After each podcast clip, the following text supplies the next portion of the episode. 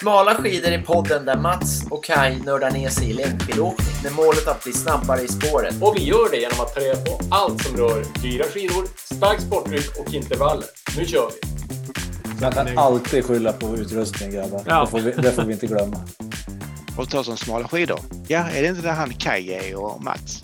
Ja, men precis. Tjenare, tjenare Kai! Hallå där. Alltså Mats, eh, vi måste prata du och jag. Jag, eh, jag har ju sett på Instagram här, alltså du har ju, du har ju tagit det här till en helt ny nivå. Jag känner mig ju helt värdelös. Vad, vad, vad, vad har du liksom? Har du gått kurs eller vad är det som händer?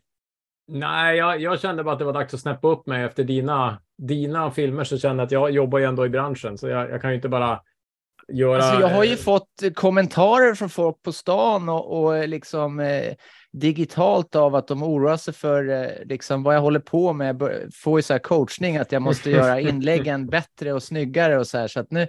Jag tror Inte det handlar om träningen skidor. alltså. Nej, det kommer väl också. Men, men eh, jag, jag tror jag har sett 15 gånger på, på ditt eh, inlägg eh, som du gjorde. Jag tyckte det var så himla snyggt. Så att eh, om det är någon som lyssnar på det här och inte har varit inne på Instagram, smala skidor, så eh, har ju Mats höjt ribban till någon ouppnåelig nivå. Liksom. Ja, så det var väl eh, lite gnäll, men eh, framförallt ett stort jädrar vad bra du är. Eh, så tack. Ta- Tack själv. För, Du är för startled eh, tre framför elitledet känns det som nu. Du är redan, du börjar, du är tv-sändningen, du är den här reporten som åker, börjar ovanför backen. Det är lite den känslan. Ja, ja. Ja. Ja, men det är bra. Ja. Eh, Ja, men vi glider över till eh, träningen då. Hur, hur går det för dig? Ja, du, ser, du, du vet ju hur det går. Du ser. Ja, ja, det är kanske en dum fråga. Det ser man på Instagram liksom. Du Ja, bara exakt. Tokdominerar.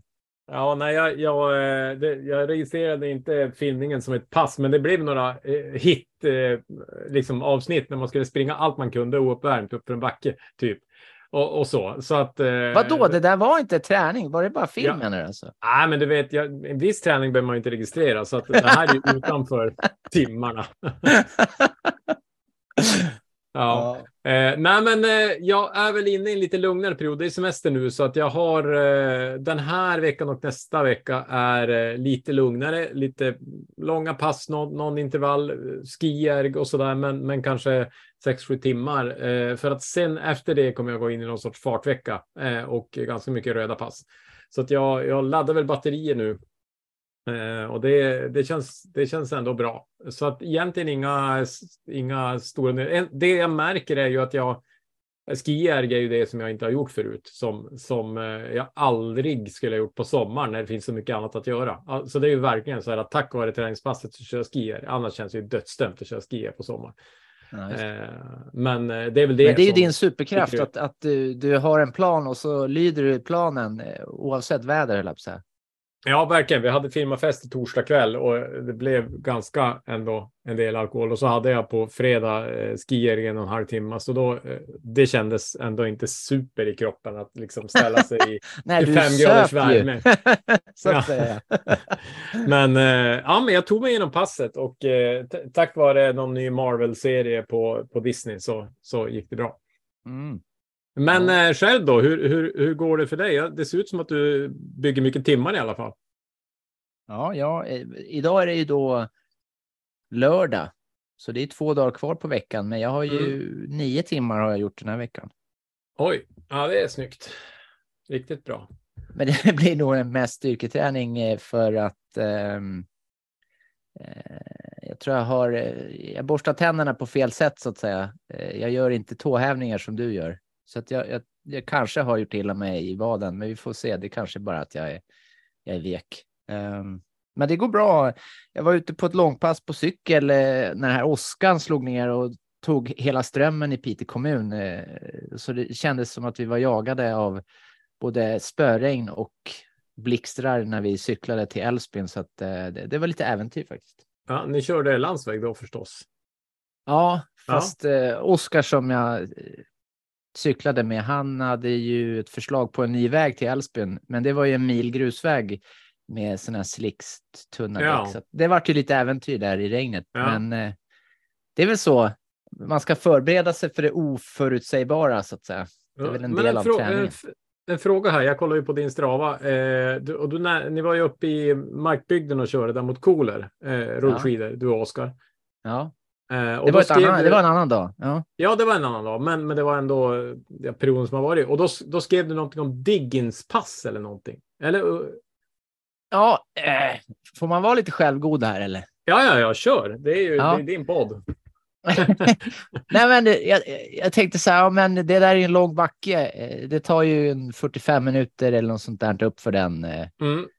Eh, Så då tänkte jag, men vi kör en lugnt eh, första varvet och sen så kör vi liksom fem minuters intervaller upp andra varvet. Så då, det blir lite grann som det här, vad heter det? Inspiration av Vasa, Vasaloppspass, att man kör det hårdare på slutet så när man Ja, liksom det. eh, lite teck, ja sådär. Och sen Mm. så var man ju trö- lite trött efteråt för det vart ju rätt hårt. Och Oskar han lägger sig ju inte frivilligt så att det vart ju tävling. Då. Eh, Så kom jag hem och så tittade jag på Instagram då. För jag börjar ju lägga ut grejer där nu. Så att, eh, och då hade ju Diggins typ skrivit, ja jag var ute och körde två och en halv timme och första timmen lugnt och andra som Ja. var in, intervaller. Så kände jag så här, Diggins-passet vart det ju då. Ja, coolt. För, för jag tänkte, Diggins är ju känd för att ta ut sig till sån, in, alltså tills de får bära ut dem på bål, lite grann som Frida Karlsson. Så jag tänkte Ja. att det var lite den modellen också. Det kanske det var också. Ja, Det var jobbigt, men vi, vi fick ju köra därifrån. Men det gick ju åt några Snickers för att liksom eh, känna sig eh, funktionell efteråt. Då Du är det- tillbaka i beroendet. Eller? Ah, jag var väl, eh, vad heter det, inte snedsteg, men återfall. Eh, Du är sån här fest, feströkare fast ja, eh, fest. med Snickers. Fast, fast jag har gått ner i vikt idag, så att, eh, jag, jag känner Idag? hopp. Så att det har nej, men första gången under 76, eh, 75,6 eller något sånt där.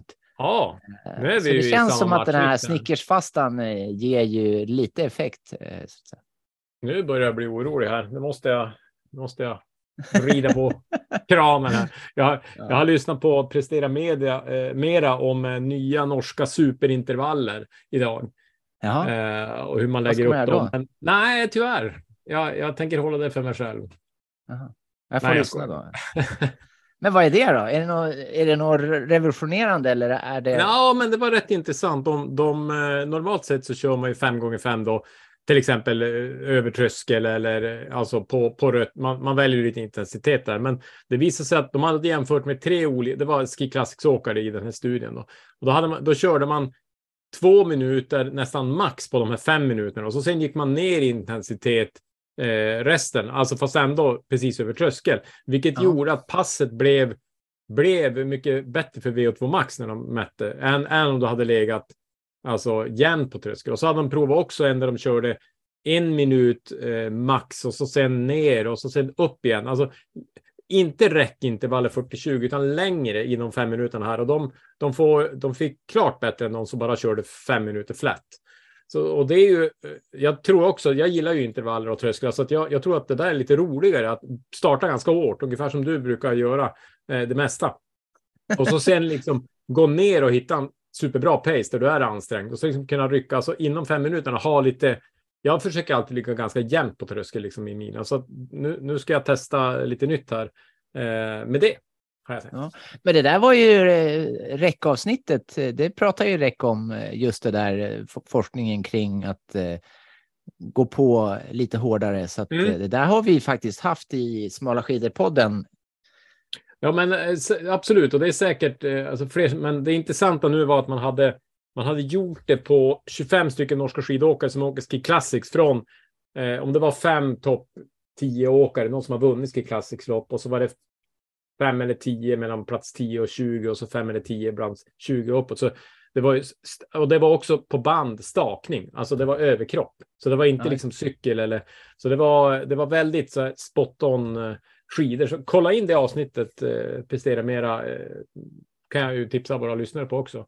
Ja. Eh, mm. Och, och räckavsnittet eh, hos oss. eh, ja, det, det är också bra. Nej, Det var, ju, något, det var mycket intervaller där. eh, Så, helt mm. klart.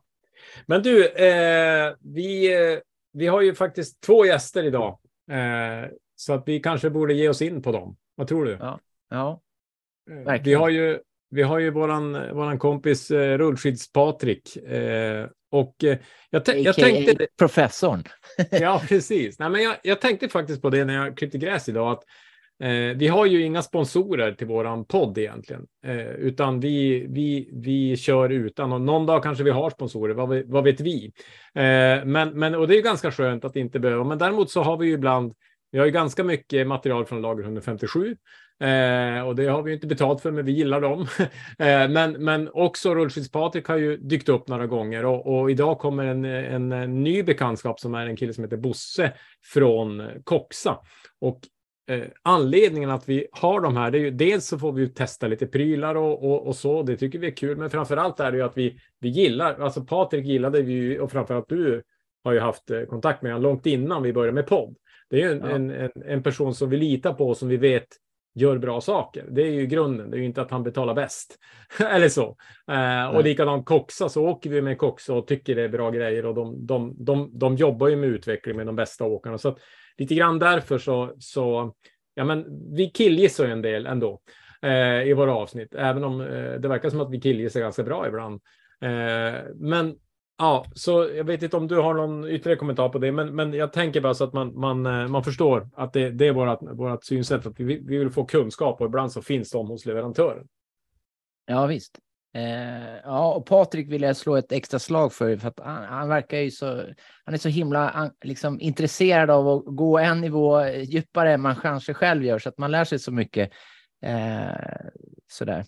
Ja, men och, Eh. och i intervjun här så satt han i sitt Vasaloppsrum eh, som han då berättade att han, han har när han eh, introducerar folk för Vasaloppet och berättar om allt hur man gör sitt första Vasalopp. Det är ju Ja. superbussigt och bjussigt. Eh, Ja. Bra, bra, bra Patrik. Patrik är bäst. Eh, Patrik är bäst, han är bra. mm, Han är otroligt bra. ja, vad heter det? Men eh, ska vi kicka igång då? Eh, Ja, vi, vi just gör det, det. det. Blir ju ett, mara, inte ett maraton, men det blir ett långpass idag. Eh, Det har vi kommit fram till. Ja, kommer bli- verkligen ett långpass. Men vi, vi kör ju långpass nu här på sommaren, så att det, är, det är bara att plugga vidare på podden så blir det bra. Men eh, Ja. plats på scenen för eh, professorn Patrik. Då säger vi väl välkommen till eh, Patrik, Rullskids-Patrik. Tackar, tackar. Vi, eh, vi är här i vanlig ordning för att, för att bli snabbare på skidor, så att vi tänkte höra om det finns något vi kan lära oss eh, för att bli bättre. Speciellt jag, för, för Mats, han har ju, dominerar ju på Instagram, man ser ju hur han tränar hårt, så att vi behöver verkligen eh, få till det här med, med träningen eh, och bli snabbare. Jag, jag, jag tänkte att det var att vi hade blivit så bra på killgissa, så att vi, men vi kände att vi ville styra upp med lite mera fakta från, från de... Ja, det är ju också sant. Eh, Vi, vi, kan- vi, vi, du får ju styra upp det här också, Patrik. Just eh, förra avsnittet, vi var ju väldigt bra på, på att killgissa. Ja, det var ett bra avsnitt och lyssnade på det med Magda och tyckte det var ett eh, bra avsnitt också om träningsupplägget och så vidare. Så att, eh, det är mycket som jag tycker man kan plocka i. Men Men, finns eh, det några viss- rena fel som du måste styra upp som vi har liksom eh, sagt helt åt fanders fel när vi har gissat eller? Inte fritt från huvudet. Däremot saknar jag klippet på Mats när han sväljer de två äggulorna. Ja. ja. eh, och- De syns jag- ju inte i podden, men de syns på Instagram. Precis. Eh, Jag har, eh, jag har, eh, jag, vi gjorde ju den här filmen på Instagram. Jag, jag hade faktiskt ett klipp som du skulle gilla Patrik med ett par AE-rullskidor. Eh, lite tydligare, men, men den, den försvann i, i Directors Cut Edition. Så jag kan, jag kan skicka en speciell version till dig om du vill. Jag gör det. Mm. ja, men, men eh, vi, vi, eh, vi eh, vill ju prata med dig Patrik för att lära oss mer och din expertis är väl framför allt rullskidor, eller hur? Jo, men det är det. Vi har ju säg, rullskidsäsong i stort sett hela året. Så att eh, snö är lite exotiskt och vi får köra några timmar för att komma till snö på vintern. Så att eh, det lämnar Mm. jag till andra. Däremot så ser Ja. jag gärna här med rullskidor att det är två bitar i det. Det blir snabb på rullskidor och blir snabb på snö. Mm. Men det är ju ändå att väldigt många så är det ju ändå nio månaders försäsong på, på rullskidor, även om du bor i Göteborg, kanske till och med Karlstad, Stockholm. Det är inte Mm. så bra med snö nu för tiden. Nej.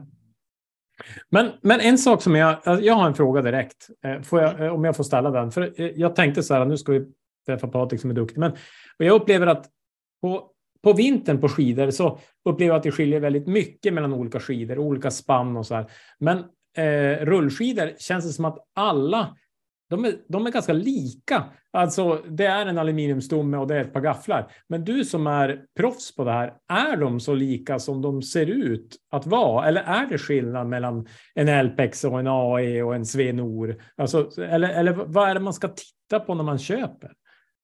Mm, det är ju skillnader och det är väl också lite det att när du testar skidor på vintern så testar du skidor mot varandra. Men det är kanske inte så vanligt att man testar rullskidor mot varandra. Och då Nej. eh, kör du en så tycker du den är skön, kör du en annan så är den skön och så är det beroende på asfaltstyper och hur mycket det skakar och så vidare. Mm. Tar du en trästomme eller eh, från Svenor eller eh, karbonstomme från LPX så är den ju väldigt vibrationsdämpande. Mm. Eh, tar vi LPX karbonen så är den ganska hög i profilen. Det är väldigt eh, rank kallar jag den, alltså att eh, Mm. den kräver att man får passa den lite grann. Andra skidor är väldigt stabila. Eh, vissa hjul är ganska små i diametern som gör att de är stenkänsligare. Andra är större, klarar det bättre. Du har hjulformerna som påverkar lite också hur skidan uppförs. Där det finns, det är mycket tycke och smak här vad man söker. Men vänta Eh, hjulformer, vad, Hjulformer. finns det trekantiga hjul eller på vad ena menar du? hållet. Alla är runda på ena hållet. Ja. Men på andra hållet så kan de ju vara ganska runda, alltså följsamma. Eh, en som Du menar kanterna eller? Kanterna, ja precis ja. Ja. Eller egentligen hela radien på den. Som eh, från sig mittsträngen och utåt. Mm. Skimateria har ju gjort det på sina blå rullskidor nu och har även kommit med tre och fyra med den radien och den är ju väldigt eh, snabb och kvick i kurvor på rullskidbanorna. Eh, lite carvingaktigt. Medan AE ligger på andra sidan väldigt platta hjul. Där du kanske i Mm. början får börja trampa runt dem istället. Det gör ju att de är väldigt stabila. De som vill ha en stabil skida tycker de ligger liksom smack och eh, känns riktigt bra. Medan andra vill kanske ha en skida som de kan, framförallt de som kommer från alpinsidan, de vill ha en följsammare skida. Och då är det carving-effekten de är ute efter. Och det är också frågan då, den har ju fört liksom med eh, några av våra duktigaste tränare i landet om vad är det åkarna egentligen ska träna på sommaren? Är det att eh, klampa runt eller är det att lägga sig i en carvingsäng? Mm.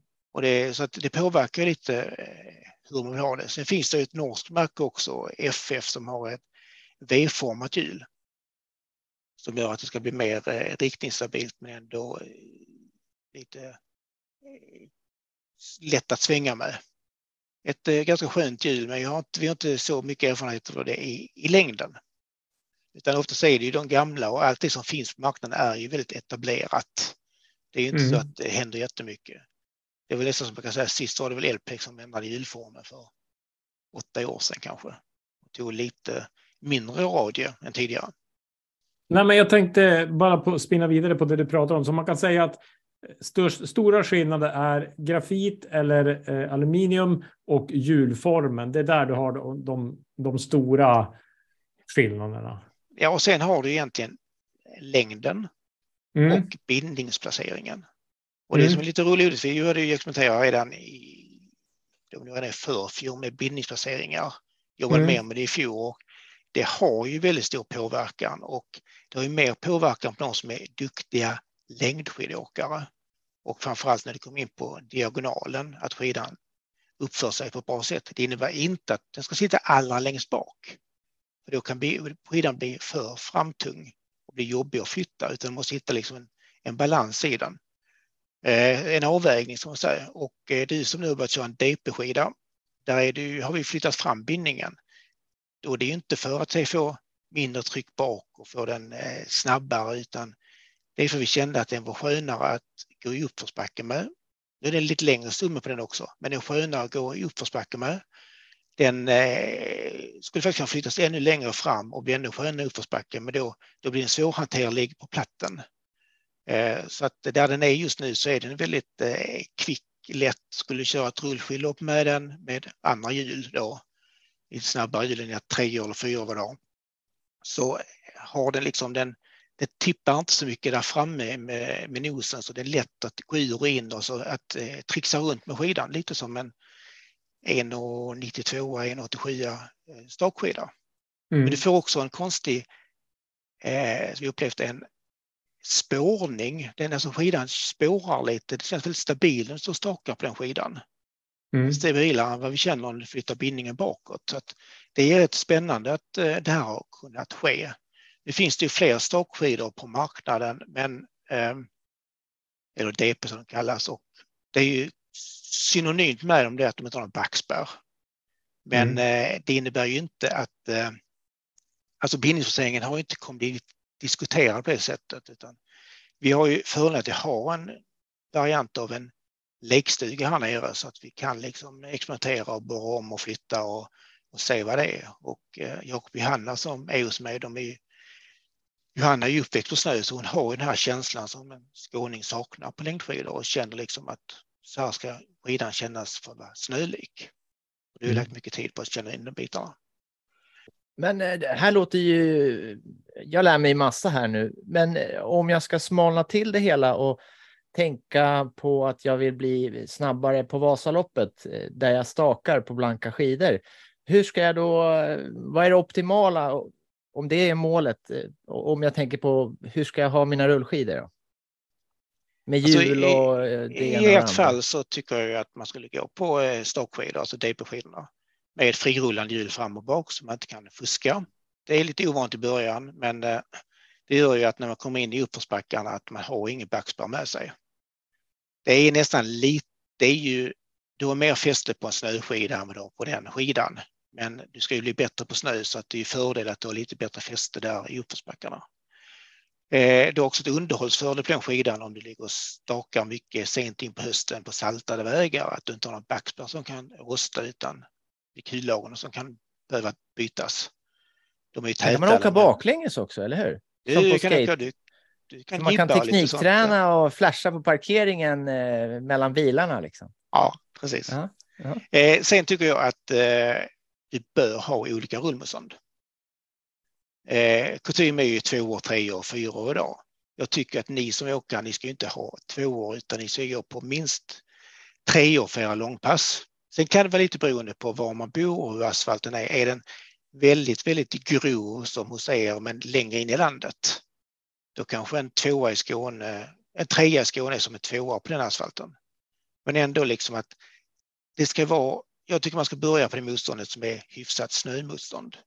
Det ska inte ligga Tänker man eh, snitthastighet då om man tittar på sin eh, träningsklocka eller Strava, att man tittar på vad har jag för snitt när jag åker långpass på snö, att jag, att jag har, kan ha den farten ungefär. Är det ett bra sätt att tänka eller?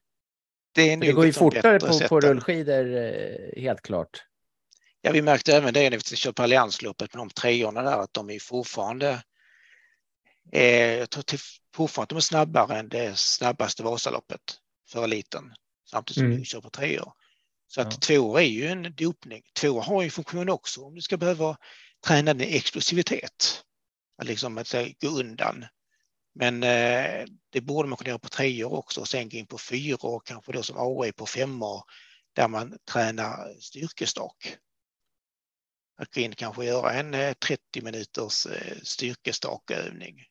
Kanske platt eller lätt uppför. Det är också en sak att jag tyckte Magdalena var väldigt bra i det avsnittet eh, jag lyssnade på när hon pratade med dig Kaj om eh, vad är det för några banor du ska köra på? på ditt, var det senior eller var det veteran? Nej, men nu, det, det, det, ja, jag har ju pudlat det här redan att jag, att jag inte har koll. Ja, det, det är ju... Eh, sen, nej, inte senior veteran. Det är ju veteran-VM, Masters-VM. Precis. Du är ju bara 49 år i den klassen, så det blir väl Ja, hur det nu är. Sport ja, hur det är bra. Mm. Eh, mobbing. Eh, ja, vi, mm. ja. Hon sa ju det att hur är banorna? Hur, eh, vilken terräng ska du köra i? Är det mycket uppför och så vidare? Att gå in och köra intervall i samma backe alltid, tränas ju muskulaturen för den vinkeln. Eh, jag tycker att man ska köra intervallerna på i blandad terräng eller variera och variera rullmotståndet. Jag körde ju stakintervaller på platten med femmor. För jag kände att jag var ju duktigare i snett, lite lätt uppför än på platten. Och det var ju för att jag tränade alla intervaller i uppförsbacke. Ja, Mm. Och tar vi då en sån som rakt över sundet där, Köpenhamn, som inte har några backar, liksom, ska de, ska de här, åka där in, ligga och träna intervaller eller träna för att ligga och köra på myrarna, så i fem år på platt mark är ju perfekt att ligga och köra med. Så det är lite att tänka efter vad man vad ska köra, vilken terräng man har, men också att kunna byta rullmotstånd. Folk pratar ju om att växla eh, hjulen och det går att göra, men oftast drar de ju snett. Och det är ju så att det är lite glapp mellan hjulet och eh, gaffeln. Och då är det så att alltså, har du bytt bakhjulen så är det att rulla dem längs eh, parkettgolvet och kolla om de följer linjen. Gör de inte det så är det ju lossa lite på ena bulten, försöka trycka över, vrida hjulet lite grann i rätt färdriktning och spänna igen. Och så man göra så. så att det är ju lite ett jobb, vilket gör att man inte gör det så ofta, utan det är bättre. Du ska ut på pass, vad känner jag för idag nu, tittar ut liksom, nej då, idag kör jag fyra, så tar man dem. För snön är ju aldrig samma två dagar i rad för er. Även Men du- om eh, du tycker om lite finare vallar där uppe. Jag, jag, hade, jag hade precis det du sa, hade jag skrivit upp som en av mina frågor, det här med, med att eh, rätta upp rullskidor. Men, och jag har sett lite olika, en del som, som försöker sig på att i ett skruvstäd vrida gafflarna. Eh, men, men det är inte något du gör, utan du, du rekommenderar att skruva lös och försöka vrida på hjulen. Ja, alltså jag brukar eh, lossa framhjulet först och främst. Ja. Eh, rätta upp det lite i den riktning jag vill ska styra och spänna Mm. igen. Vissa Mm. använder hammare, släggor, slår på det. Men alltså, du ska ju träffa rätt om du ska göra det och sen eh, är det ju inte jättebra för materialet att banka på det. Att Eh, jag, nej, men jag skulle bara säga, jag har ju fått ett par fyror från dig, ett par Elpex, och de gick rakt när jag fick dem. Även de här DP-skidorna AE som vi nu har provat, de har också gått rakt. Justerar du skidorna innan du skickar dem, eller har jag bara haft tur här? Eh, vi, eh, alla AE-skidor kollar vi ju. Alla Svenå-skidor vet vi kollade från fabrik. Elpex har vi inte koll på. Att, eh, men vi brukar inte, vi, vi kontrollrullar inte alla. Nej. Men eh, så vi sätter upp eh, lite AE-bitar så, så gör vi koll. Så att alla som går ut har ju har provrullats på. Ja, just det. Nej, men för jag Typ en- tänker att jag upplever ibland att man, man, man är lite osäker om det är jag själv som, som eh, alltså åker snett eller om det är skidan som, som drar snett, om du förstår skillnaden. Ja, men, liksom, ja. ja, Men det, Eh, det, det här tycker, det här tyckte jag, för jag tjuvringde ju dig här, eh, här om veckan Patrik, just för att mina skidor efter att min eh, sambo hade åkt med dem gick snett. Eh, och då sa ju du det här med parkettgolvet, att, att om man har eh, matta, nå, någon rak linje på golvet, att man kan rulla skidan. Och, och om den går snett då, ja men då behöver man ju skruva i den. Men om den går rakt där, ja då, eh, då är det ju mina fotleder kanske som, som går snett. Det tyckte jag var himla bra och, och jag kan rapportera också att det tog inte mer än en minut att fixa till dem där och sen så gick det himla bra. Så att, eh, tack för tipset. Ni, ni, ni, ni som har sneda rullskidor, det är värt att öppna lite grann och så justera och så kolla på parkettgolvet eller eh, köksmattan eller vad det nu är. Liksom. Eh, Det du är inne på, man tycker är spännande och jag brukar, vi pratade vid något tillfälle jag och Kaj väl om att stå rakt på skidorna. mm. Och på rullskidorna ser man ännu mer det här med att stå rakt eller man står snett och den som ligger bakom och tittar på dig, han ser ju hur, hur snett du står. Mm. Och det blir ju samma effekt på snö. Men man tänker inte på det. Och då ligger liksom eh, ena sidan, allt flår lagt på en sidan för att jobba och allt annat hänger i luften. Så ska inte bara Mm. förlora halva skidan bara egentligen, eller ena sidan. Mm. Eh, förra säsongen. Men eh, det gör ju, och sen så vi har pratat mycket om sulor och sånt, men jag vet funderar på om jag ska backa ett steg till och säga att eh, gå till någon som, eh, som kan titta på din kropp. Jag ska själv eh, hoppas nästa vecka gå och mäta in min kropp hos en, eh, jag vet inte vad de kallas egentligen, men eh, fysiomekanik sådär och se liksom hur rör jag mig? Om jag står snett är det för att jag är konstig i höften. Var sitter problemet? Så jag adresserar det på rätt ställe. Sen när jag inte kan adressera det mer, då är det en sula som behövs för att rätta upp det. Det, Mm. måste, det är lätt att se på rullskidor om folk står snett och jag misstänker att de står lika snett på på snöskidor och belastar belaget då fel i snön. Mm. Och pratade med en här som har jobbat mycket med eh, hockeyspelare eh, i Fred Hawks och han sa ju det att det är samma sak på skridskoskenan där. Den måste vara rak mot isen. Du ska få max fart. Mm. Så att eh, han jobbade ju på det sättet. Så att, Men det här, det, det här är tydligt när man, kör, eh, när man kör långpass på rullskidor och ligger på led och, och så ser man liksom samma fotisättning eh, för den som är framför. Eh, då kan man ju se att om ena foten lutar lite grann eller så där. Då, då, då ska man ju ha en bra relation med den som man kan säga till eh, om det är sulor eller bara en skärpning i att man blir lite mer uppmärksam. För ibland är man ju bara lat, man är, tänker inte på det. Så, så fort man tänker på det så, så kan man justera det där. För mm. vissa mm. tänker jag, eller? Ja. Jo, men precis. Jag upplever ofta att högerfotens skida glider in i den vänstra. Alltså att, att den, eh, och även om jag skiftar skidorna så är det som det, det som händer. Men sen som DP-skidorna och de här Älvsbyxfyrorna, där gör det det inte. Men många skidor har gör det. Och jag vet inte om det är att jag står snett då, eller, eller men, men det är ju inte alltid. Men det är oftast det som är problemet. Och det är också kanske känsligare om skidorna går utåt så är det, då är man inte rädd att man, de krockar med varandra. Men om de går ihop så eh, känns det ju otäckt.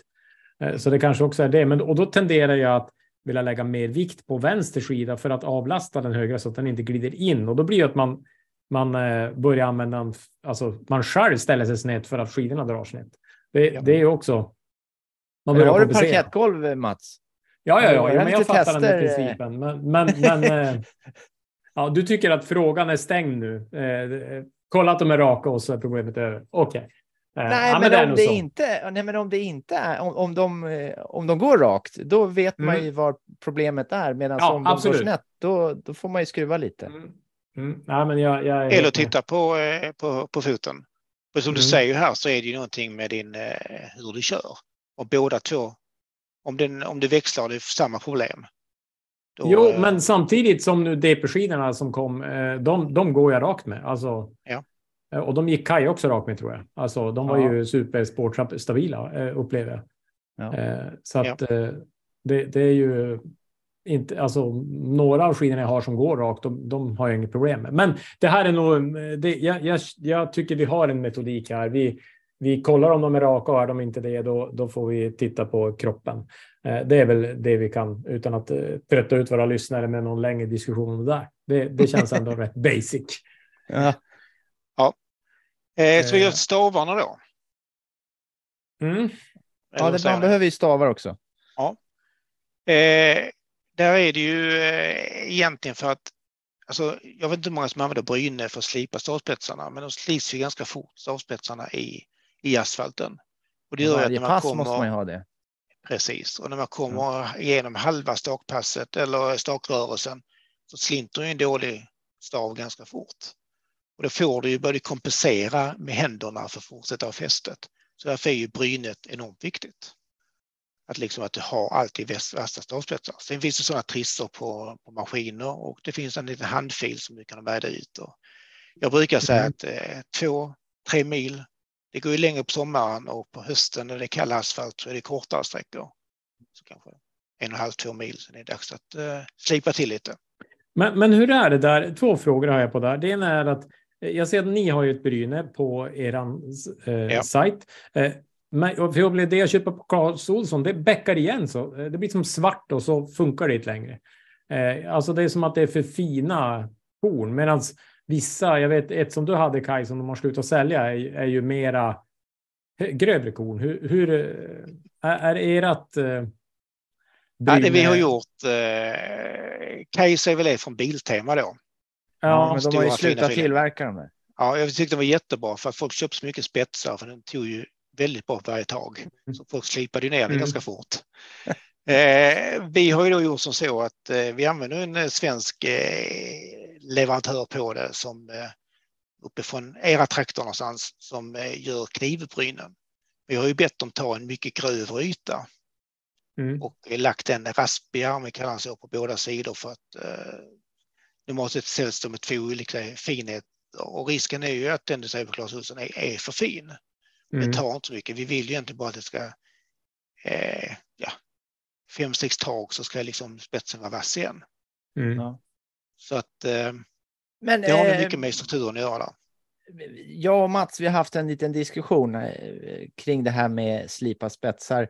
När, när det blir grus eh, man kommer på så vill inte jag sätta ner stavspetsarna i gruset för att jag tänker att då blir de ju slöa. Och Mats, han har ju liksom eh, skrattat lite åt mig. Eh, så jag ville kolla, Patrik, kan du sanningsenligt säga nu, och åka på grus med stavspetsar, sliter det mer eller mindre än att åka på asfalt? Så vi får slut på den här eh, diskussionen jag och Mats har. Jag Alltså det måste vara sliter jättehårt grus så att du förstår att det Ja, är ja, ja, vassa ja. stenar. Ja. Mm. Jag tror det sitter mindre. Att, men däremot så sliter det på På plasten. asfalt. Det sitter mindre på grus, men det sliter mer på plasten runt omkring. Eh, jag har märkt det på skajkåkarna, de som kör terränggående rullskidorna. Att eh, de har ju problem om man inte kör Skikes originalspetsar med en liten truga, för du vill ju ha eh, de, de är, Skikes egna spetsar har mer guds i plast ner till. och gör att den håller mer.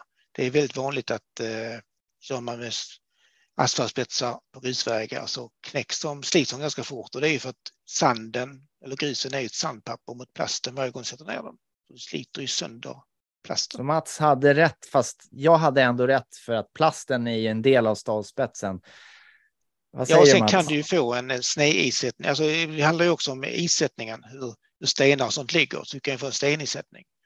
Och det är också en sak, vissa spetsar flisar ju en del. Jag vet inte om ni har märkt det. Och jag tror att det handlar lite om att man har fel stavisättning när staven flisar. Att man, man dunkar den rakt ner i asfalten istället för att få ner den i vinkel så du kan fortsätta med, med trycket. Just det. Jag, är nöjd, jag, jag, jag är nöjd med svaret, nöjd. Kai. ja, okej. men, Ja, men men jag, då har vi andra eh, saker vi får diskutera då. Ja, men en, en sak till när det gäller. Jag, jag tänker, eh, du har ju någon video på eh, hur man vässar rullskyddsspetsen och vi är helt överens om att man gör det. Men jag upplever att ju mer jag vässar dem, ju flackare blir ju vinkeln i förhållande till en ny spets. Om du förstår vad jag menar. Den är ju som spetsigare i början och så slipar man som ner den och så till slut så är den som nästan rak i, i eh, och, då, och då tänker man ibland att jag borde ha en alltså maskinsliparen så att jag liksom fick slipa ner den mer så att den blir spetsigare. Eh, eh vad är det för någonting man behöver om man ska sätta det på en, eh, en eh, borrmaskin eller en rondell eller någonting för att slipa spetsar? För jag provade med en vanlig rondell häromdagen och det tog inte alls. Ja, du måste ha en diamant diamantrondell eller en sån liten diamanttrissa i så fall. Ja, Och oftast är de inte, alltså de slits ganska fort på dem, har jag upplevt. Om du Ja. inte kanske hittar dem i proffsaffär. Men eh, det är som säger, det är viktigt den här vinkeln. Oftast är det ju en framsida, en eh, baksida och en liten på toppen. Och mm. den på toppen slipar man ner, men du börjar vinkla den mot baksidan så att den alltid är spetsig framåt. Mm. Det får inte liksom eh, bli helt platt ovanpå utan det gäller att vinkla till den ganska fort. Ja, men jag upplever att det är lätt. Tittar man på en spets som man har, som man har filat lite grann, det, det blir som att den, den vinkeln blir, den blir plattare och plattare, eh, mi- mindre och mindre spetsig. Eh, och det är för att man inte slipar nog länge för att hålla den, hålla ner vinkeln. Ja, det är det. Och därmed är Mm. Guds där. Mm. Eh, en annan sak kring stavisättningen, det är ju om vi då pratar snö, det är ju att eh, var vill du ha träffen? På asfalt är den ju ganska direkt. Du sätter i den och du har ju direkt liksom kontakt och trycker ifrån.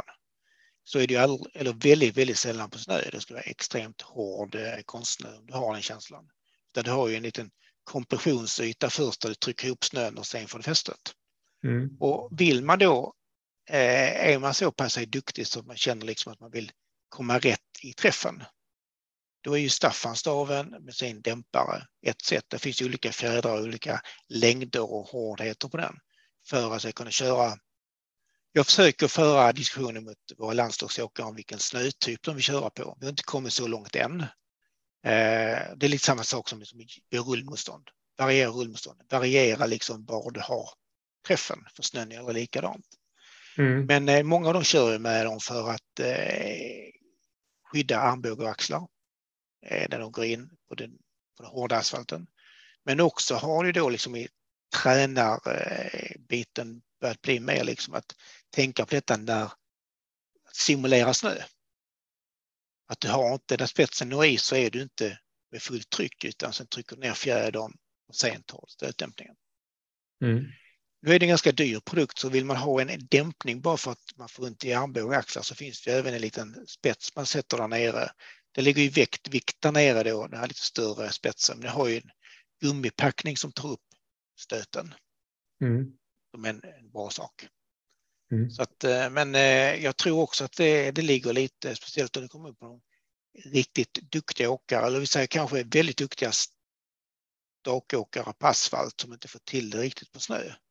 Då kan det vara liksom att de har tränat in var träffen sitter och Mm. inte vant sig med den miljön som ni har där träffen aldrig är likadan mellan två dagar på snön. Mm. Ibland till och med lägger ner 40 centimeter innan du fäster. Mm. Ja, men det är bra att tänka på. Fuskköra med skatestavar för att, för att inte vika ihop sig helt. eh. Men jag skulle vilja prata om den andra änden på staven.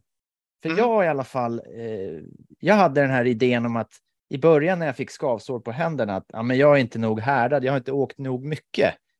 Men om jag åker 250 mil eh, liksom per år så tänker jag att då borde händerna i alla fall vara vana att och, och, och staka. Men jag får ändå blodblåsor och, och, och, och väck och, och sådana grejer på, på händerna. Har du någon liksom... För jag, vill, jag, vill ju, jag vill ju inte avstå från ett rullskidspass för att jag har ont i händerna, eh, utan jag vill ju att... Ja, jag vill ju träna mer så att jag... Mm. Så att eh, det går bra på Vasan. Ha- Har du något tips där? eh, Så, Eller något eh, tricks liksom? tips och tricks. Jag tror först och främst det är så att. Är Eller det, jag det bara vek. som, Eh, det är kanske det- det vi kommer till. det är kanske det egentligen. Nej, är det, är du, ehm, är det både sommar och vinter? Problemet? Ja, ja, det är det väl. Mm. Jag menar, de här röda fläckarna på händerna, de, de, de har jag ju året runt liksom. Ja, de, de där nere på handflatan, de, de är vanliga. Att Ja. man har förhårdnad där. Sen har du en lite Ja. större upp där.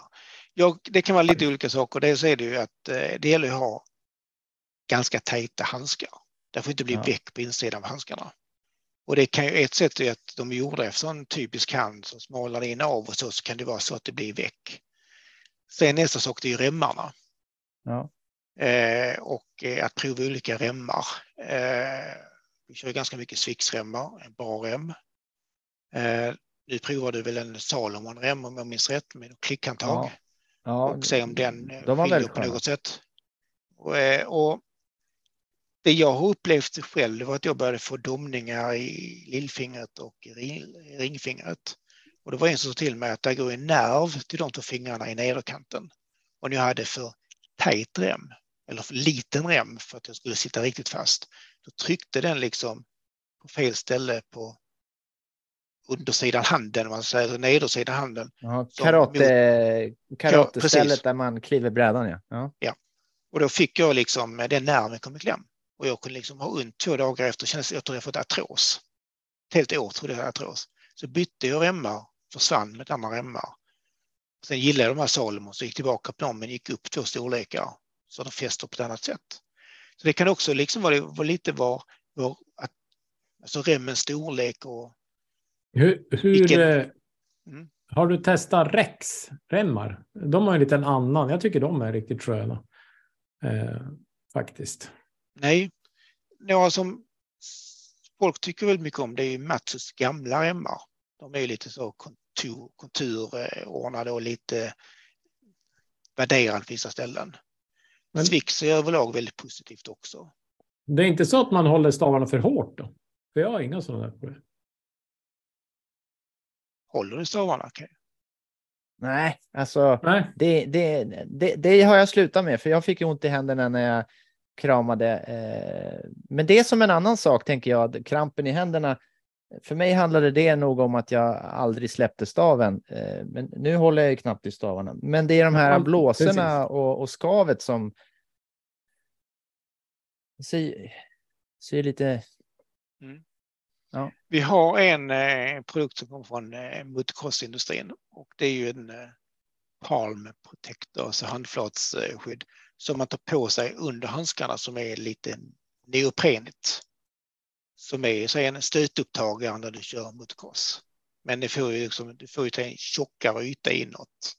Så, du, så flera provar ju den för att få bort eh, blir det som att ha dubbla strumpor i kängorna, att, eh, att man inte skaver mot huden utan det är materialen som skaver? Det blir lite den effekten.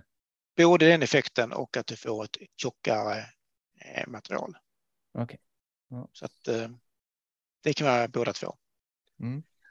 Det är väl de tipsen jag har på det, men jag hade nog egentligen sett vad som händer nu när vi provar de andra remmarna. Om, det liksom är, om man får nya skavsår. Jag har ju upptäckt också att eh, Alltså vissa handskar är sydda mer ur ett skidperspektiv.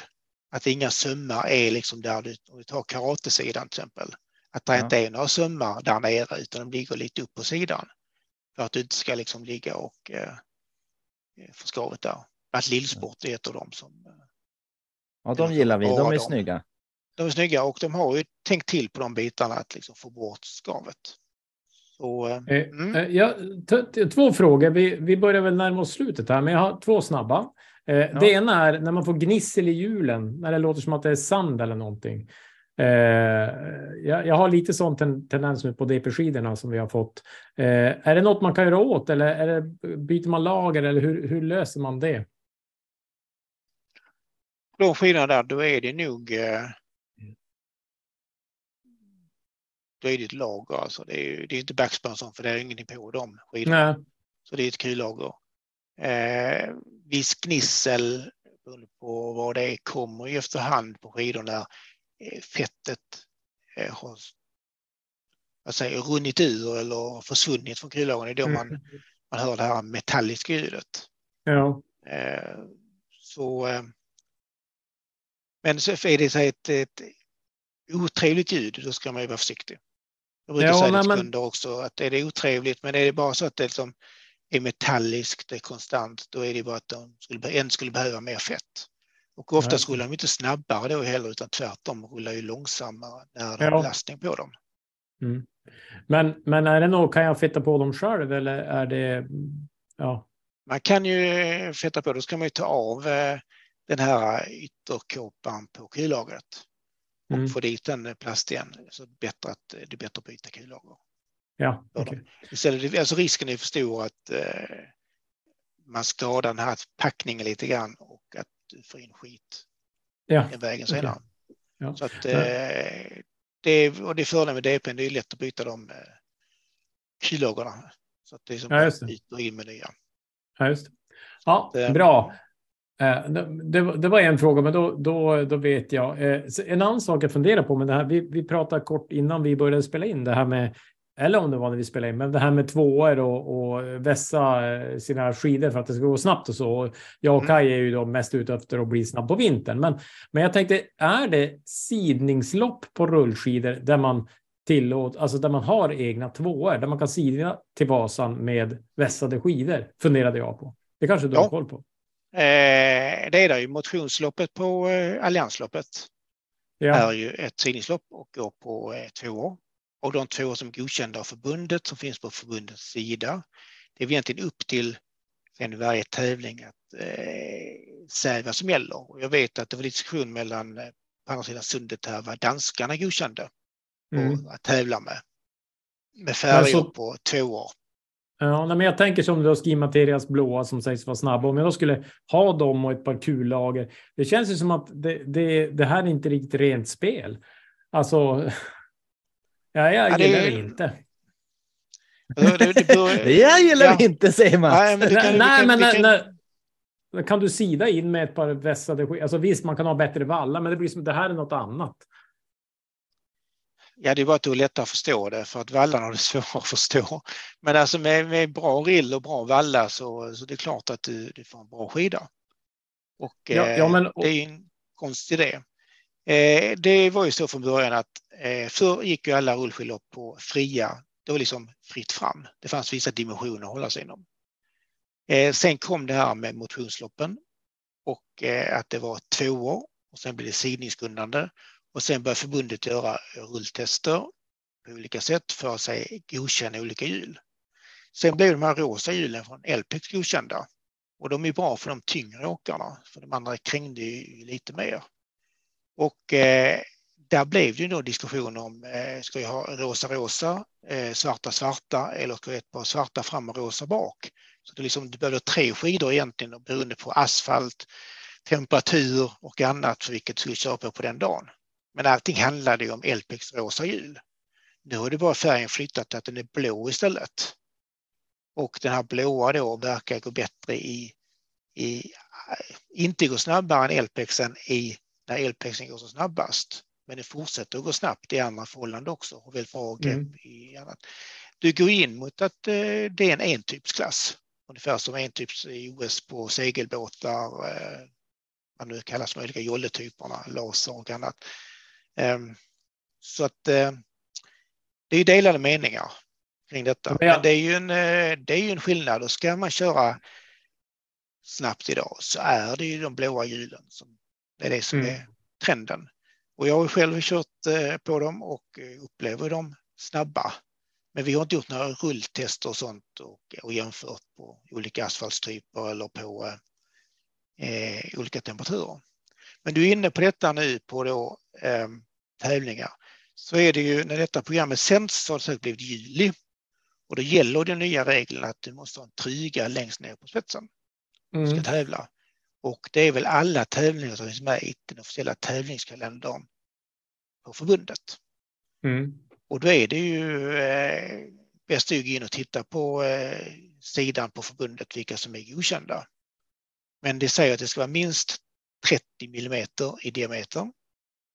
Om det är på ett håll eller runt om, det, det tyder på att det inte är runt om utan det är en viss mängd av den. Och eh, sen får inte sitta för högt upp heller. Är det för Men, att om man eh, eh, stappar någon i benet eh, att den inte ska gå rakt igenom?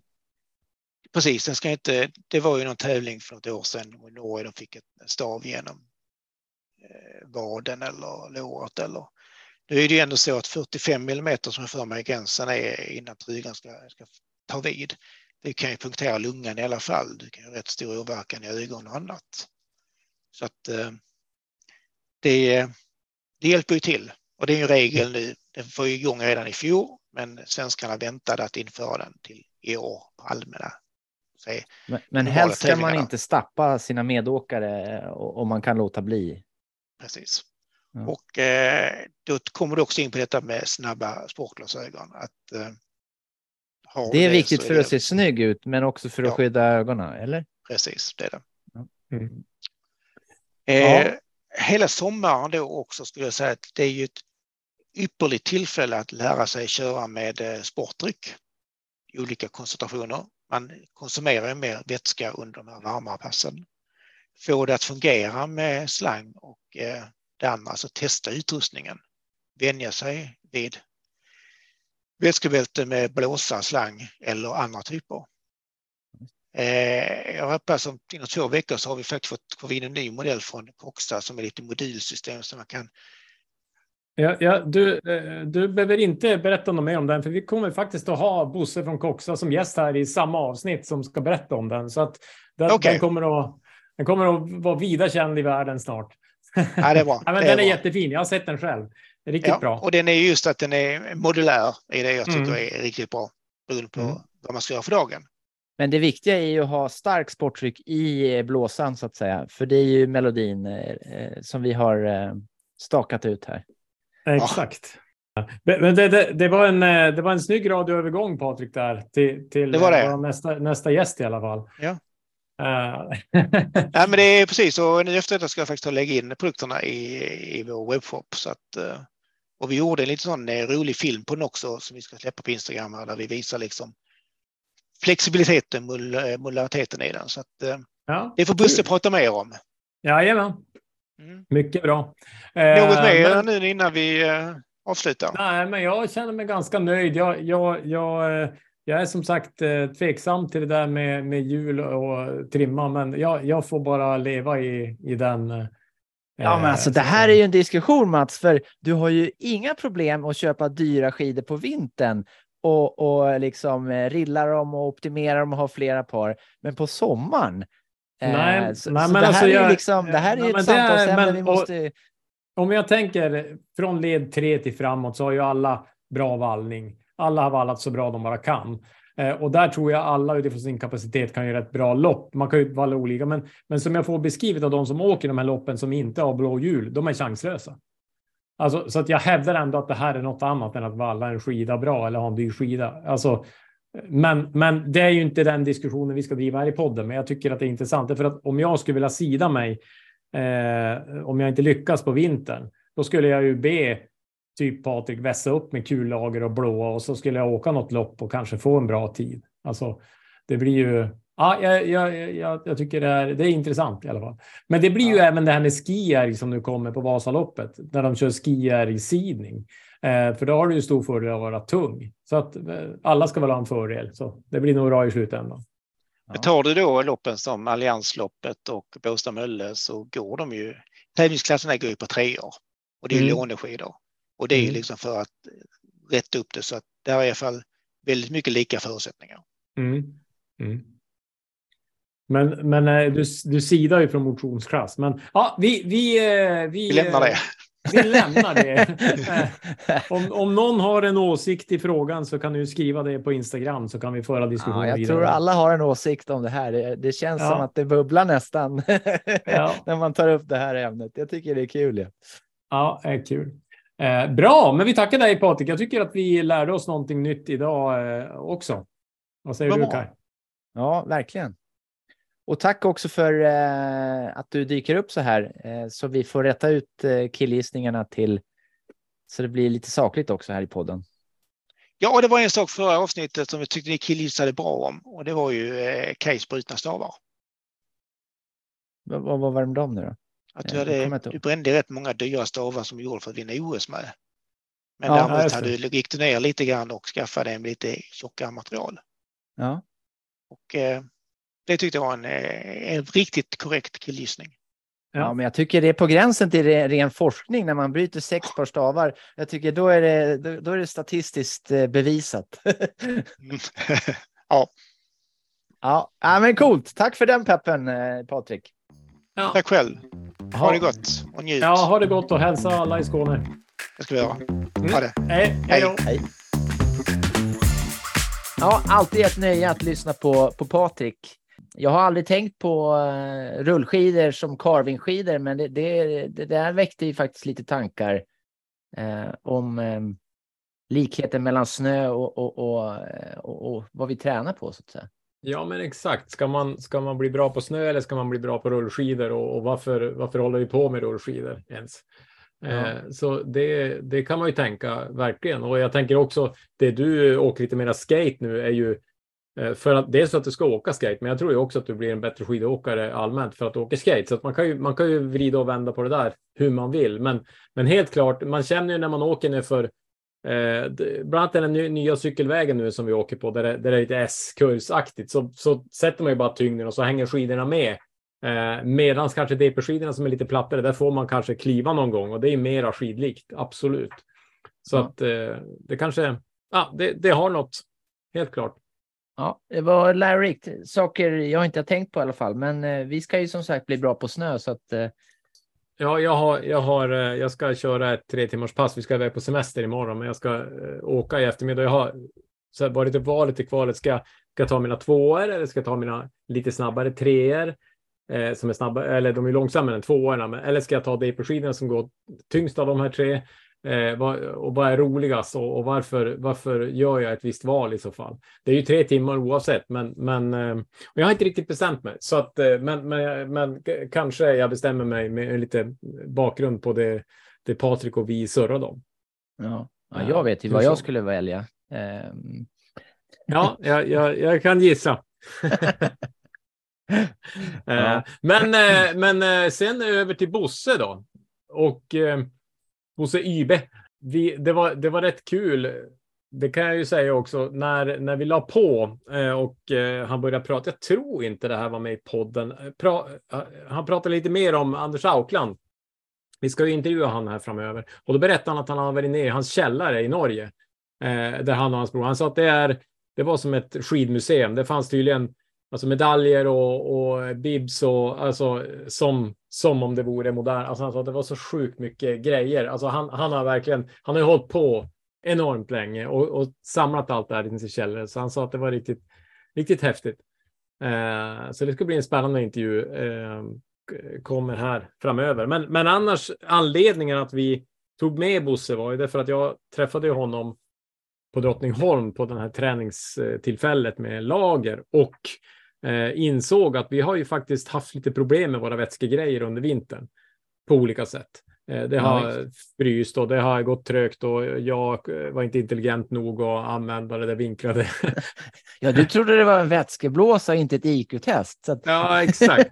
Ja, nej, ja, ja, man skäms ju när man ser hur enkelt det var, men, men, men så där är det i stridens hetta. Och, och dessutom avsnittet före så pratade vi också om så här hur man ska komma i tid och vara väl, väl preppad. Och, så ah, det var som det var. Men eh, Bosse i alla fall, eh, han är ju lite säljig och reklamig, eh, men han har ju också en del kunskap och eh, jag tror att får vi i oss mer stark, snabb sportdryck så kommer vi att bli snabbare och bättre. Så det är bra. Eh, ja, och han har sista milen. Vad, vad, säg en gång till. Nej, jag skulle säga han har ju löst en del av det vi eh, tycker är utmanande, så det känns ju bra. Ja, ja det blir glada nyheter av Bosse här då. Ja, exakt. Vad skulle du säga om sista milen? Ja, alltså, jag, jag betar ju problemlöser inför nästa Vasalopp då. Och det, för mig är ju den sista milen att ha energi och orka, både att vara i form men också få i mig så att jag har energi. Så att det här blir ju eh, också viktigt utifrån det, att, att grejerna fungerar så man får i sig den här goda, ja, go, go, goda, den är inte god eh, på sista milen. Då vill man ju inte ha sportdryck i sig, då vill man ju ha riktig mat, men eh, den behövs ju för att få, få den där medaljen. Ja, verkligen. Ja, nej men eh, vi, vi, eh, jag tycker att vi helt enkelt släpper in Bosse. Ja, det tycker jag.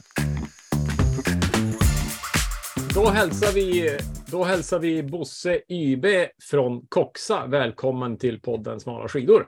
Tack så mycket. Tack så mycket Mats. Jag tänkte vi ska börja med formalia här. Vi träffades ju Bosse på Drottningholm och du var tillsammans med Lager 157 på ett event där och representerade Koxa. Men jag tänker, vad är din roll i Koxa? Min roll i Koxa är att jag är ansvarig för försäljning och jag är raceansvarig också, hand om teamen och eh, lite annat. Men du, en fråga. Koxa, var kommer det ifrån? Är det svenskt eller? Koxa kommer ett bolag som mina kollegor och ägare är då Stefan, eller förlåt, eh, eh, Christer Nilsson som är vd i bolaget som sitter nere i Kristianstad. Ja. Och sedan Lars Ekberg som sitter i Stockholm och eh, som då har hand om försäljningen eh, kan man säga internationellt och alla agenter och allting. Ja. Det här. Men, men det kommer från, från Sverige? Ja, det gör det. Ja, det och, eh, ett, ett Skåneföretag är det från början. Just det. Eh, bra, men och, så här är det ju. Eh, smala skidor. Vi eh, strävar efter att bli snabbare som skidåkare, så det är vårt tema. Eh, och vi har tre stycken pelare som vi jobbar med och det är dyra skidor. Eh, det betyder material. Eh, stark sportdryck, det är ju nutrition. Och eh, intervaller, det är ju träning. Och eh, vi har ett eh, prylavsnitt, så därför så har vi bjudit in dig för att få lära oss lite mer. Och det känns ju som att ni gränsar ju mellan stark sportdryck och prylar här, för att det är ju, ni, ni levererar ju stark sportdryck oftast till, till snabba skidåk, skidåkare och andra sporter. Så att eh, vi, vi är lite nyfikna hur vi kan bli snabbare med hjälp av era system egentligen. Det, det är eh, de, de, de, frågor vi vill ha svar på.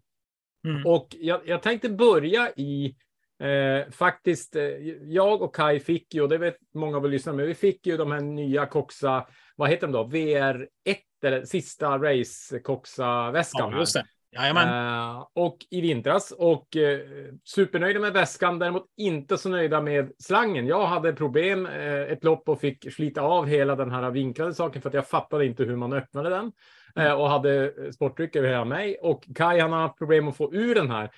Och när mm. vi då träffades, då berättade du att det här hade utvecklat och det var därför som jag kände att här finns det något som kanske våra lyssnare mm. också bör få.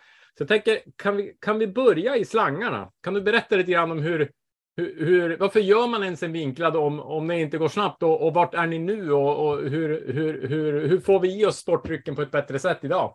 vi har ju hållit på och sen kan man säga nästan tre, fyra år tillbaka hållit på och mixtra och greja och försöka och få och det ska vara avstängning om sådana här saker med kranar och grejer. Och mm. Utvecklingen har ju gått otroligt fort och eh, på något vis så har vi ändå lyckats att behålla kontakten med alla våra aktiva. Men eh, det, det, är ju, men det är en grundprincip som jag vill ändå passa på att säga, som man ska använda sig av. Och grundprincipen är det här att eh, om man ska ha ett väl fungerande system eh, för att få vätska, nutrition som du säger, under eh, fysisk aktivitet, cykel, löpning, skidåkning, vad det än vara må, så handlar det om, oavsett om det är varmt eller kallt ute, så ska man vänja sig vid att dricka lite och ofta istället mm. för mycket och sällan. Mm. Och speciellt det här under vintertid så blir ju det här en annan faktor då, mycket och sällan. För då mm. är det oftast inte någonting och då blir det mm. ett problem. Mm. Eh, man får inte heller tillräckligt under sommartid och så vidare, tycker man då när man mm. har en större eh, avdunstning från kroppen på grund av aktivitet.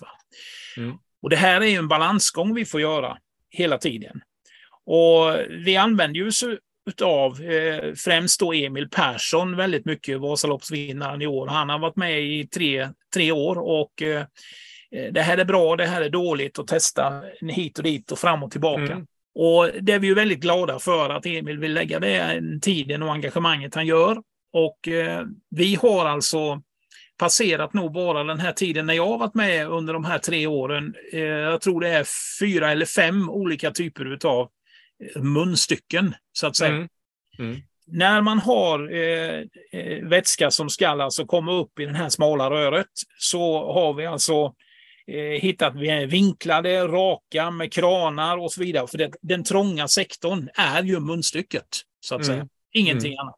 Och eh, vi har eh, nu då inför kommande säsong och från och med nu lyckats då att vi har hittat också till eh, alla teamen som vi har träffat nu för kommande säsong och så vidare. Och eh, vad vi har presenterat för de återförsäljare som jobbar med det här. Så har vi alltså fyra stycken olika typer utav eh, sätt att ansluta sin eh, slang i, i bladden, så att säga. Mm. Mm. Och det är två stycken då med eh, termoisolering på. Mm. Och det är två stycken som har det så kallade eh, race-munstycket på. Mm. Och om man då tar eh, den nya eh, med den här termoisoleringen, det är ju mm. avsett mm. för att det ska ytterligare få en isolering på slangen. Mm. Eh, så eh, är det alltså två stycken, varav en då med det nya race-munstycket Mm. Och en med då det här nya vinklade munstycket som finns en av och påstängning på. Mm. Mm. Men på den nya race-munstycket finns det ingen av och påstängning. Utan det. det. är lite mer fritt blås om man kan säga mm. så. Men det mm. innebär också att det blir ett större volym av vätskan som kommer in vid samma kraft man använder i sin andning. Då, Mm. Likadant så finns det två stycken eh, sommarversioner av den här. En med det ordinarie munstycket på så att säga. Och en med race-munstycket på. Just det. Och från och med eh, det som vi levererar ut här nästa vecka så kommer på den här nya då som kom i höstas, den här VR1 Race-bältet. Eh, mm eh, som vi då släppte ut till eh, team och så vidare runt omkring, så kommer det ha det här nya VR1 racemunstycket applicerat från fabrik. Mm. Eh, en fråga där. Eh, är alltså den, den anledningen att man då har avstängning är att man har en säkrare om den är i en väska eller så, så läker det ja. inte. Och har man, har man racet, då riskerar man läckage, men å andra sidan så har man maximalt med vätska när man kör. Är det, är det typ det valet man gör? Ja, det, det kan, man kan säga att det är på det viset. För att du har alltså en, eh, det här ordinarie munstycket som är alltså orange och är lätt vinklat. Mm. Har mm. man en, eh, trycker man ner det så att säga en bit ner, då är det avstängt, då är det en spärr. Mm. Men den mm. spärren finns inte när man har det i racemunstycket. Nej, jag fattar. Och varför inte vi har kommit på den här biten riktigt, för att det är faktiskt Emil själv som har suttit och desikerat och fixat och ordnat och donat och klippt och klistrat och Ja. få till den här biten. Men det är ju det som är meningen när man är lite testpilot på grejerna. Mm. Och eh, efter ett tag så eh, hörde vi inte så mycket ifrån honom och sen så ja men jag är jättenöjd, sa han. Va? Men det visade sig att eh, han hade ju talat om det för varenda en i hela Ski Classic-gänget så att alla hade ju gjort precis samma sak nästan utan att vi visste någonting. Eftersom det blev så tyst helt plötsligt. Ja. Ja. Men detta har ju inte ännu nått våra konsumenter eller de som lyssnar på det du och jag pratar om här just nu. Så därför är det så bra att vi kan få tala om att nu är det här löst. Och eh, vi har alltså ett racemunstycke med betydligt mera flöde, men inte någon avstängning av på det sättet. Eh, Men däremot så finns det andra kvar så att säga i den ordinarie. Men till den här VR1 Race-bältet eh, som ni hade testat, där har man till samma blädder då en annan slang och munstycke till och då blir det perfekt. Men egentligen så som man, om man då säger att jag ska till en, en uh, signingstävling eller ett Vasalopp, då Mm. blandar jag min blåsa men jag ansluter inte slangen för då håller den ju tätt. Och så Ja. ansluter jag slangen då istället. Ja. Så att jag, jag, det momentet tar jag senare så att säga. Helt rätt, helt rätt. Ja. Mm. Och det, är alltså, det är samma slang som du ansluter i, i samma blåsa och så vidare. Mm. Så och, och Mm.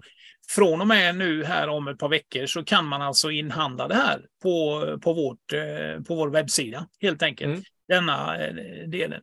Sen vill jag också passa på att säga en sak som är jätteviktig här också Mats. Eh, Vi får väldigt ofta, och den läcker som ett såll den här och den går hit och den går dit och man, jag får Mm. inte det hit och dit. Och det handlar om när man använder nutrition i sin blåsa så blir det ju, det är en ty, lite av sockerlösning. Mm. Eller det, det blir lite sötma i det här och det, det klabbar och man blir ju inte helt fräsch om fingrarna emellanåt när man har hållit på med det här. Mm. Och lägger man då den eh, hemma i tvättstugan, och ja, det gör jag sen. Så att säga. Mm. Och sen blir det det här att man ska skölja den och tvätta den och göra, och göra i ordning den. De som har, och det är då det händer så mycket, man får knappt ut den. Man får nästan ta en skruvmejsel och trycka ut den nästan lite grann. Och då fastnar den här äh, lilla röda eh, O-ringen på den här flänsen så att säga. Och den sitter kvar och den åker ut och man tappar den och så vidare. Så här. Och det är man lite våldsam där. Man måste iaktta försiktighet där. Mm. Eh, tryck in spärren, tryck in den lite så att man hör klicket så sitter den inne. Och Mm. likadant när man tar ut det. Och inte låta grejerna ligga och klabba ihop utan att man sköter hygienen med det. Mm. Och du såg kanske, jag skickade en sån till dig, jag hoppas du har fått Mm. den, så du kan se vad jag pratar om, den lilla eh, O-ringen. Den är så otroligt viktig för att finns inte den på plats, ja då rinner det bara rätt ut. Mm. Mm. Och Nej, det jag- här är många som har upplevt, ska du veta. Ja, nej, men jag, jag fattar precis. Och Kaj har haft en incident när, han, när den där gick av och han hittade något gummiband inne i något kontor för ett tävling och lyckades lösa det. Men, så vi, är- vi är helt med. Eh, en, en snabb grej till då. Jag har ju fått eh, provet på slangen här. Den Mm. här eh, isolerade slangen, den, den har ju då en neoprenisolering eller något sånt, Mm. närmar sig. Sen så är det ju då även en yttre isolering som man sätter på, så man får ju dubbelt, eller hur? Visst är det så Ja, på vintern? Helt rätt. Vi, vi eh, i våran frustration där med att eh, ha ett, hitta något typ av slangskydd då i vintras när vi inte hade den här neoprenslangen Mm. att säga förra vintern. Då hade vi den på test då det här med slangskyddet. Nej, det var för två år sedan var det. För två år sedan. Ja. Och då testade vi det här med slangskydd och det blev ju vansinnigt mycket bättre. Men har Mm. man då både slangskyddet, det yttre slangskyddet som oftast är färgat orange, svart eller blått. Mm. Mm. Och eh, satt vi då i den här neoprenslangen i den här, ja då försvann ju problemet helt och hållet. Ja, Men det fanns fortfarande de som hade lite problem i munstycket. Men just nu det. har vi alltså dömt det här. Och jag tar gift på att skulle du springa på Emil Persson någonstans, det finns inga problem med det här. Nej. Och frågade en, en Ski Classic-åkare, det finns inga problem med frysning här. Nej, nej, Ja. fungerar perfekt. Och då har de ju gjort den här Emil-grejen. Mm. Nu har vi Mm. standardiserat det. Dels finns det att köpa som ett tillbehör och dels finns det att köpa, då, eller så ingår den i den här VR1 racebältet. Mm. Och det höjer ju, eh, och det- VR1 racebältet ska vara top notch och det ska hålla. Mm. Sen, herregud, skidpjäxorna höll inte tätt för Brittan och hon förfrös fötterna, men det är klart att då var det 25 grader kallt va, emellanåt. Mm. Och det, det, man kan inte sätta några gränser, men Emil säger bara dricka lite ofta. Han kanske inte dricker, han bara fuktar munnen lite och ser till att det flyter. Då Mm. har han inte de här problemen. Men vi är ödmjuka för problem som kan uppstå, det ska du veta Mats. För att vi, vi måste få de här grejerna till att fungera på ett bra och riktigt sätt. Mm. Det är vår, det är vår plikt. Ja, men det låter kanon. Eh, mycket bra. Eh, vi ska gå på eh, nästa grej. Vi, när vi träffades så visade du också ett nytt system som ni kommer att släppa här framöver mm. med hårda blåsor, och, eller egentligen när man kan byta, välja vätskesystem i väskan. Och, enkelt förklarat. Helt. Och jag, jag frågade dig när vi pratade i telefon inför att är det första gången som ni har hård blåsa och då, och då sa du ja. Det kanske inte är en princip, men, men, men många vill ha det på träning och så vidare. Så att, mm. Men kan du kort berätta om det här nya systemet som ni nu släpper här? precis som du säger, eh, det här är lite grann utav eh, utanför våran box, så att säga, att stoppa i en sån här eh, vadderad eller termoisolerad behållare på 1,1 liter. Men vi har fått, fått sån väldigt hög efterfrågan, för alla vill inte åka med slang när man tränar. Utan här är då en väldigt viktig grej, det är att man måste då kunna erbjuda någon av hårdare slang så att säga. Och under att, eller hårdare blåsa bara för att man ska kunna använda riktigt, riktigt varma drycker under vintertid. Mm. Eh, och det är man ganska van vid. Och eh, då finns det bara, alltså när man börjar bena ner de här problemen så är det bara att erkänna att eh, så här är det. Och mm. det här måste vi göra på någonting åt. Och då får vi ju böja nacke som man säger och kunna erbjuda det som ett alternativ. För det fina mm. med den här nya då VM1 Active som också kommer här nu under juli månad. Eh, så är det så här att du, du, du köper alltså bältet helt enkelt i din, din butik. Och där har vi pressat ner prismässigt bara för att vi ska riktigt kunna nå den breda massan av konsumenter idag som vill ha med sig vätska ut. Eller kanske bara helt enkelt ha ett vanligt enkelt bälte på sig. Mm. Mm. Men det som är unikt med bältet kontra andra bältet, det är att vi har ju våran klassiska velcro-stängning och bältets storlek. Och det är ingen som kan ge sig på den biten för att den har vi ju lagt beslag på att man har velcrot. Mm. Men nu, sen kan man alltså bestycka eh, sin, eh, sitt bälte. Har man och är nöjd med slang så kan man stoppa över sin slang och sin eh, i den här då istället om man har kanske något annat vajsing med det andra. Så kan man mm. alltså stoppa i slangen och lägga i blåsan i den här också. Mm. Du kan också applicera en, lätt, en större, en, en ny, lite större eh, eh softflaska med en lite längre hals på och styck, eh, trycka ut den genom ett litet fack som, eller en liten öppning och lägga den i. Och då har du fortfarande den här mjuka fina känslan som vi säger för att är det en halvdrucken blåsan då gör man ett omtag på bältet så man får en bra och tight passform hela tiden. Mm. Men det, den mesta effekten till återförsäljare och, och, till åkare och till team som vill ha det som ett träningsbälte så är det hårdflaskan mm. som också nu då finns här från och med i sommar att införskaffa. Mm. Och på Alliansloppet kommer vi visa upp alltihopa det här och då finns det hemma och allting sånt. Så det, det, det, är en väldig fördel och de här bitarna. Men Nej, men då har vi alltså slutet cirkeln, för då har vi alltså VR1-race, alltså topp. Vi har den vanliga klassiska VR1 med lampa och lite sådana här grejer på. Och sen har vi då VM1-akt, mm. Som då är vårt träningsbälte. Eh, en fråga, eh, en, i en vanlig blåsa, hur varm vätska kan jag ha i en mjuk blåsa? Rent temperaturmässigt? För jag förstår att den hårda har du för att kunna köra riktigt varma vätskor. Vad, vad ligger gränserna där? Ja, man kan väl säga omkring mellan 50 och 60 grader kan man säga. Ja. Ja, lägger du i 55 grader tror jag det står på, om det är 60 står det, det står på blåsan och du lägger i. Ja. Eh, då, då, då är det inga problem. Då, kan du, då klarar du dig så att säga. Mm. Där hade vi ett problem som dök upp eh, nyligen. Vi berättade att eh, vi fick alltså i, i svetsarna, i, där det var liksom svängar i svetsarna. När vi hade lite kunder då som la i direkt från tekokaren eller vattenkokaren mm. ner i boxen. Då, mm. då, då, då, kunde det släppa på vissa delar. Men då ja. gick vi istället upp med en eh, tjockleken på bladden till ja. alltså en klass lite högre. Och sen dess försvann det problemet helt och hållet. Så den skulle säkert tåla bra mycket mer idag. Men vi vill inte stå för mer för att om du tänker dig vatten som är 60 grader, det tar du inte i munnen Mats. Det Nej. gör man inte. Då är det väldigt varmt, helt klart. Men jag har, jag har, eh, då har jag ett produktutvecklingstips här eh, i, i podden. Eh, så du, det får vi se då. Men, men, nej, men jag tänkte så här, jag, jag gillar ju de mjuka blåsorna precis som ni gör historiskt. Eh, och, jag, och jag tror precis som du att jag kanske, om jag liksom ska ut när det är 20 grader kallt, då, då vill jag ju ha lite varmare vätska, men jag har ju aldrig 50-60 grader. Eh, Nej. och då funderar jag på, går det inte att sätta en neopren, eh, alltså på en eh, silikon eh, softbot, alltså att den blir isolerad? Hade man inte kunnat ha tillbehör, alltså ett tillbehör som man bara trär på den, Ja. eh, som Ja. passar i... Ett då- litet då påse. En liten påse, kan man säga. Exakt, som sälj, sälja som ett tillbehör till alla era...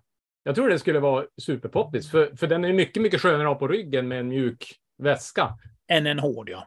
Ja, och dessutom, det jag har problem med är att de här hårda flaskorna möglar, alltså i plasten, men det gör ju inte era silikonflaskor. Så det är varför jag framförallt använder silikon, för att jag får alltid problem med svart mögel. Jag är kanske lite slarvig också, men, men, men jag tycker den är så, jag sköljer ju av då allting, men det är som ändå att silikonflaskorna är mycket bättre mot mögel. Så att, ja, det, det är, eh, det skulle vara kul om, det, om man fick se en sån en dag. Men, Risk, ja, risk, risken är uppenbar Mats, för du har väckt Ja. en tanke. Eh, absolut ingen dålig tanke faktiskt att eh, liksom knyta, knyta på den helt enkelt innan man lägger ner den i bältet. exakt. Exakt så. Det, det kan både skydda att man, eh, blir, man blir inte av med värme och man kan skydda mot kyla utifrån så att säga. Exakt, och när man tränar är inte vikten superviktig, så att jag tänker att då, då ja, ja, men eh, kul. Då får vi se om det kommer om dag. Men sist tänker jag att vi, vi, vi har ju också fått möjligheten att lotta ut en sån här eh, VM1, heter den så? Ja, VM är ett aktiv. Ja, VM1 aktiv. Ja, så att håll utkik i eh, Smala skidors Instagram så kommer det här framöver inom kanske, ja, när produkten finns ute eh, så Ja. kommer vi att lotta ut. Så då har ni chans att få, eh, få testa en sån där. Och sen eh, vet jag, eh, för din info också Bosse, vi hade ju Patrik från Rullskidcenter eh, här i podden som är gäst i samma avsnitt. Och det var så roligt för att han han är ju väldigt intresserad och han började prata om det här systemet och jag, vi sa vi har Bosse med så du kan, du kan tagga ner. Men det var kul för han var väldigt, väldigt uh, upphetsad kanske var ett starkt ord, men, men han var väldigt pepp på det systemet. Eh, Han är ju väl, eh, jag tycker Patrik är väldigt duktig på att förstå vad som är bra för skidåkare så att känslan är ju att det här är en toppenprodukt för, för alla som håller på att träna. Så det är riktigt kul. Ja. Han, han nördar ju ner sig på ett sånt sätt Ja. som gör att det är väldigt intressant. Och, och sen har han ju blivit en duktig kund till oss naturligtvis, men han är väldigt nogsam också så att säga och, och kräver sin. Mm. Men det ska han ha all rätt att göra, tycker jag. Ja, ja. Ja, men han ska är leverera ju, grejer som funkar. Han är ju faktiskt ingenjör. Det är, det är ju till skillnad från många som driver sportaffär som är skidåkare eller cyklister eller fotbollsspelare. Så att jag Ja. tror att det ligger mycket i det, att han, han har det tänket, vilket är Ja, superintressant. absolut. absolut. Nej, så att det, det, vi, vi går alltså in i den här eh, sommarsäsongen här nu med eh, tre bälten. Och så får vi ju inte glömma våra ryggsäckar heller som vi har. Och sen vill jag liksom släppa en liten bomb också till dig här som eh, du fick på ett mejl, eller det var till Kaj, jag skickade det tidigare kanske, men det är lite grann på gång också. Och eh, våren 24, håll ögonen uppe Ja, ska konkurrenterna vässa öronen för att vi kommer alltså att släppa våra första löparvästar. Det. Men, men en helt nytt tänk och lite i Coxas eh, tänk så att säga. Vi kommer inte sätta vätskeblåsor på bröstet och sådana här saker utan vi ska inte lägga dem i skorna heller. Men eh, någonstans däremellan ska vi lägga Ja. det. Du kanske Ja, nästan kan räkna ut det. Så att vi, vi, vi sitter inte still. Vi har mycket atleter som vi jobbar med hela tiden. Eh, vi har Auklandbröderna, eh, otroligt intressanta människor att jobba tillsammans med. Söker alternativ och en hit och dit. Vi, Och vi, det är som att du, du, du gör den perfekta övergången till nästa avsnitt, för då ska vi ha eh, Anders Aukland som gäst nämligen. Ja, du ser. Då kan jag ju berätta en grej som Anders Aukland, för när han hade fått sin nya VR1-race och kom, Ja. till, eh, kom till ett av loppen före Vasaloppet, så hade han ju klippt bort hela den här nätfodret som är längst bak på den, så den var helt vit på baksidan. Ja, Men eh, hans samvete blev väl lite för, för att i det här nätet så står det ju tryckt Coxa. Ja, Men eh, han, hans samvete hade han skrivit med tusch istället. Coxa på det här vita. Då Ja. frågade vi Anders, Eh, Men vadan har du gjort detta för, Anders? Då? Du, sa han, det är vikten. Ja, Och då vägde vi ett sånt här nät, så vägde vi det. Det vägde 15 gram. ja. Ja, det är härligt. Sånt där kan man ju Det är, to- det, det, är, det är toppkillar som nördar ner verkligen, så att säga. Men eh, vi kunde ju inte annat än skratta och le åt det, för att de flesta vill ju ha den här lilla skräp eh, Ja, ja. på baksidan. Ja. Så det kan du, du- säga till Anders. Ja, det ska jag göra. Men du, tack Bosse för ett bra snack eh, och eh, vi hörs säkert av framöver här. Så får du ha det, får du ha det bra fortsatt i sommar. Ha det gott. Sådär, det var, det var Bosse, farbror Bosse. Eh, är det, var kommer farbror Bosse ifrån? Det är någon tv, det är någon snuskgubbe tror jag. Men det här, det här är ingen snuskgubbe. Det, det är en, en, en eh, bra... Vi fick veta också att han har varit snabb löpare en gång i tiden, Bosse. Eh, så han, han, har nog, han har nog gjort sitt i, i idrotten. Men eh, ja, egentligen inte så mycket kanske att säga om annat än att bra att det kommer bra grejer. Och Ja, det ska bli kul att testa. Och eh, också dyker det upp en utlottning av lite prylar här framöver, så det är bara att hålla utkik efter den på våran. Ja, det Instagram. blir kul. Men du, nästa avsnitt, Anders Haugland, jag tänkte på det. Han, eh, det, det. Det som gör att jag har varit intresserad av han under längre tid och eh, vi har även fått tips från en lyssnare att, att det kan vara intressant. Det är ju att han är ju i våran ålder. Eh, Är han exakt? Nej, han är äldre. Han är mitt emellan oss tror jag. Jag tror att han är Han är 72. född 73 tror jag. 73. Ja, han har ju fyllt 50 i alla fall.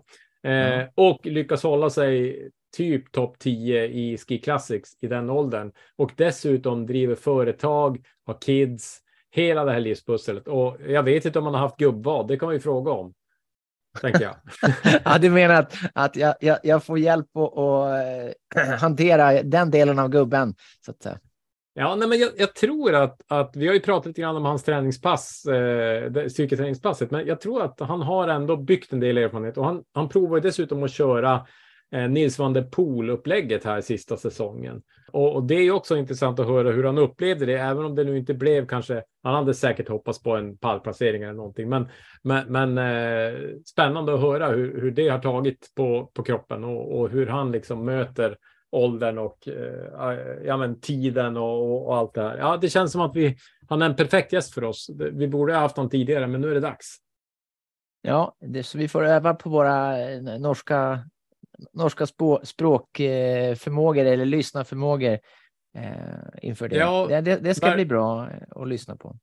Ja, verkligen. Och sen är ju, jag tycker att de flesta norska skidåkare, det är som att de umgås en del med svenskar, för de är hyfsat bra på att ställa det lite enklare. Alltså när de intervjuas i tv och så där, så tycker jag att det, det går ganska bra att, att förstå. Eh, eller svorsk, eller vad, vad man kallar Ja, det. jag har ju sett på, på nätet någon sån här humorklipp. Eh, och då är det liksom alltid att svensken fördummas. Så det är bra att de har sån humor för då liksom förenklar de sitt språk när de pratar med oss och vi förstår. Så att den där svensk, driva med svenskar-humorn har ju en funktion faktiskt. eh, Just, Just för oss i alla fall i podden. Det är som att tala till barn eller något. Ja, precis. Eh, Ja, men nice. Nej, men, eh, vi, jag tänker att vi kör på och eh, tränar och eh, hoppas att ni har fått ut något av eh, dagens avsnitt och skriv gärna om det är något ni gillar eller några reflektioner på Instagram. Ja, och Ja. jag behöver pepp eh, på Instagram för att eh, hålla Mats nivå. Du har ju som sagt, så eh, jag vill gärna be om några extra hjärtan där så, så det inte blir total dominans eh, av dig Mats. Är det lite röstfiske här? Ja, jag Ja. ja, ja, ja, men jag, jag hade ju en fanclub där tidigare så att du, du får väl kanske lite hjärtan på Instagram då. Det, det är väl okej. Grymt. Ja. Ja, Nej, men eh, jag, jag säger eh, som jag brukar, hojres. Ja, eh, snart igen.